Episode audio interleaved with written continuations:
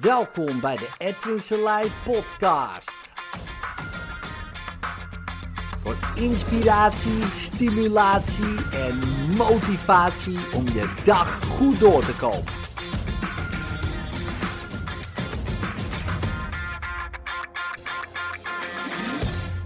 Genderneutraal speelgoed, ja hoor. Nou, eh, het is weer zover. We hebben weer iets gevonden dacht ik meteen om ons druk over te maken vanuit een minister. Ja, gelukkig uh, gaat het voor de rest uh, perfect overal, weet je wel, in het onderwijs en in de zorg. En uh, zijn er natuurlijk geen files meer en de armoede is, is helemaal uit Nederland. En ja, de voedselbanken hebben we opgegeven. En ehm, ja, dus nou gaan we ons druk maken over speelgoed. Want ja, het is natuurlijk wel allemaal stereotype. Hè? Dus uh, er staat er op een Bob de Bouwer setje een, een jongetje afgebeeld. Alsof jongetjes alleen maar bouwvakker worden. Of moeten worden. Alsof meisjes geen bouwvakker kunnen zijn. Tuurlijk, uh, iedereen kan alles worden. Uh, en alles willen zijn en zijn. En dat is prima. Ik weet nog in de bouw, mijn collega, die zei altijd, Ed jongen, je ziet hier toch geen vrouw bijlopen met die stalen pijpen naar binnen te sjouwen en te slepen en beton te storten onder de vloer. Ja, ik denk, ja, dan moet je wel een bepaald type vrouw zijn die dat kan. Nou, die zijn er heus wel. Ik zal de laatste zijn die dat, uh, die zegt dat je het niet moet doen. Ehm, maar goed, soms mag je je afvragen, is het verstandig hè, met hele zware fysieke beroepen, dat je daar een vrouw neerzet. En dan zeg je, ja, maar Ed, jongen, lekker weer, emancipatie, dit en dat. Dan denk ik, ja, oké. Ehm, ik zie in een schoonheidssalon bijvoorbeeld ook uh, weinig mannen werken. Natuurlijk zijn die er. Natuurlijk kan je dat zijn. Je, je, je mag alles doen wat je wil, dat moet jij weten. Maar goed, sommige dingen ja, lenen zich gewoon beter voor mannen en, en andere weer voor vrouwen. Dus ik, ja, lekker weer, ga je weer. Hè. Dus, dus kijk, ik kom uit, uit, een periode. Dus ja, dus, dus misschien is het heel moeilijk voor mij om genderneutraal te denken.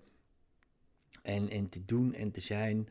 maar ehm, ik moest wel denken aan um, nou ja, een nieuwe Barbie set, weet je wel. De plastic chirurgische Barbie set waarin we kennen kunnen ombouwen tot Kendra of ieder andere willekeurige uh, mens uh, wat we willen. Met de afklikbare penis. Um, zodat we dat, hè, dat, dat is natuurlijk allemaal uh, ook beïnvloedbaar. En penis, ja, alsof dat mannelijk is. Dus ja, dat moet ook allemaal weg. Het moet allemaal neutraal worden. En ik dacht, oh mensen, mensen, ja, het gaat gewoon te goed dat je daar om maakt, eh, denk ik dan. En er was, was een stukje, zag ik, van een moeder die zegt, ja, we willen genderneutraal opvoeden. Maar ik denk, ja, dat ga, hoe ga je dat doen dan? Want um, als ik zo naar die moeder luisterde en keek, dacht ik, ja, uh, ik zie daar wel een vrouw in. Hoe ga je dat dan anders doen? Dus hoe ga je dat genderneutraal opvoeden? Zeg, ja, ze mag met mij, uh, met ons spelen met wat ze wil. ja, dat mochten ze bij ons ook. Uh, mijn uh, zoon uh, iets roze aan wilde trekken, en trok hier wat roze aan. En als hij met poppen wilde spelen, mijn ene zoon heb geloof ik nog zo'n babyborn pop. Ja, nou, daar stond een meisje op, op die verpakking. Ja, dus boeien, die verpakking gooien weg en hij met die pop spelen. Ja, ik denk, jeetje man, wat is dat ingewikkeld hè, kunnen we het allemaal maken. Maar goed, genderneutraal opvoeden, over ingewikkeld gesproken. Dus moet je bepaalde dingen niet meer zeggen dan. Je kan moeilijk zeggen, oh wat zie je er mooi uit tegen een meisje. Dan insinueer je van, oh vrouwen moeten mooi zijn en mannen zeker niet dan. Dus dan moeten we allemaal neutraal. Laat je spierballen zien, ben je sterk? Nee, kunnen we ook niet zeggen tegen een jongen, want dan ga je dat suggereren dat mannen sterk moeten zijn. En dat is stereotyp dus, dus hoe ga je dat doen? Neutraal. Ga je tegen mij zeggen dat spierballen? Nee, kan eigenlijk allemaal niet. Dat ze er mooi uitziet, ja, dat kan je ook niet maken eigenlijk.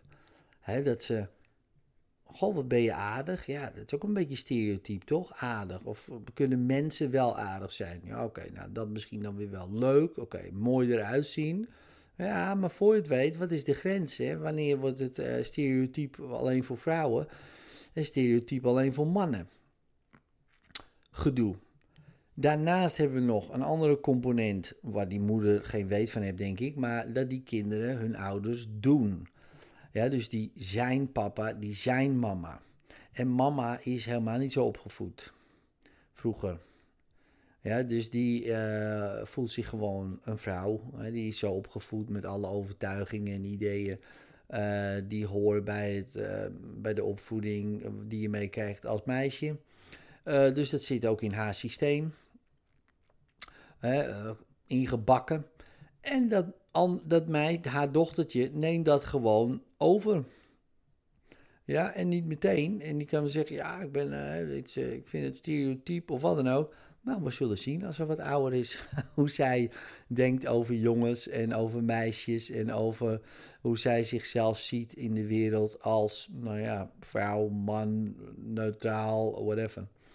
Ja, dus misschien dat we evolueren naar een androgyn wezen. Dat we gewoon allemaal één zijn, één ras en één geslacht of geen geslacht. Dus gewoon allemaal hetzelfde.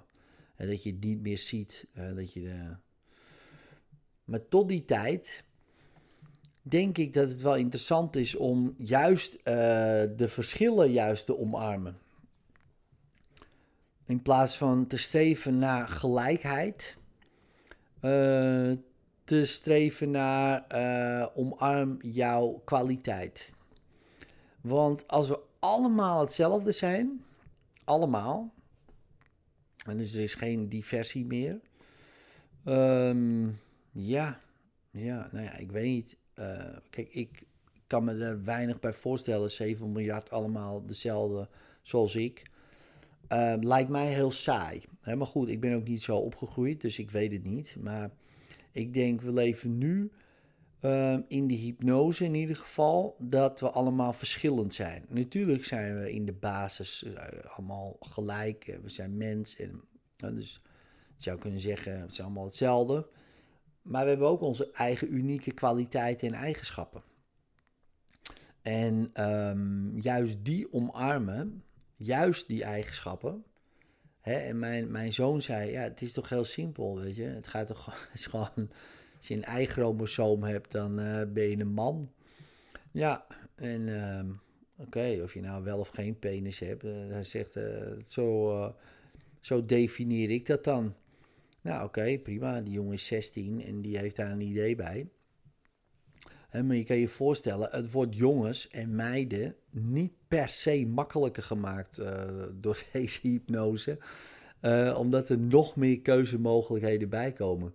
En je ziet vaak dat wanneer er meer keuzes komen, dat mensen stoppen met kiezen. Dat ze gewoon niks doen. Dat ze passief worden. Dat ze gewoon geen idee hebben uh, wat ze moeten doen. En als het duidelijk is wat ze, wat ze moeten doen, dat het makkelijker is. Dus al die keuzemogelijkheden.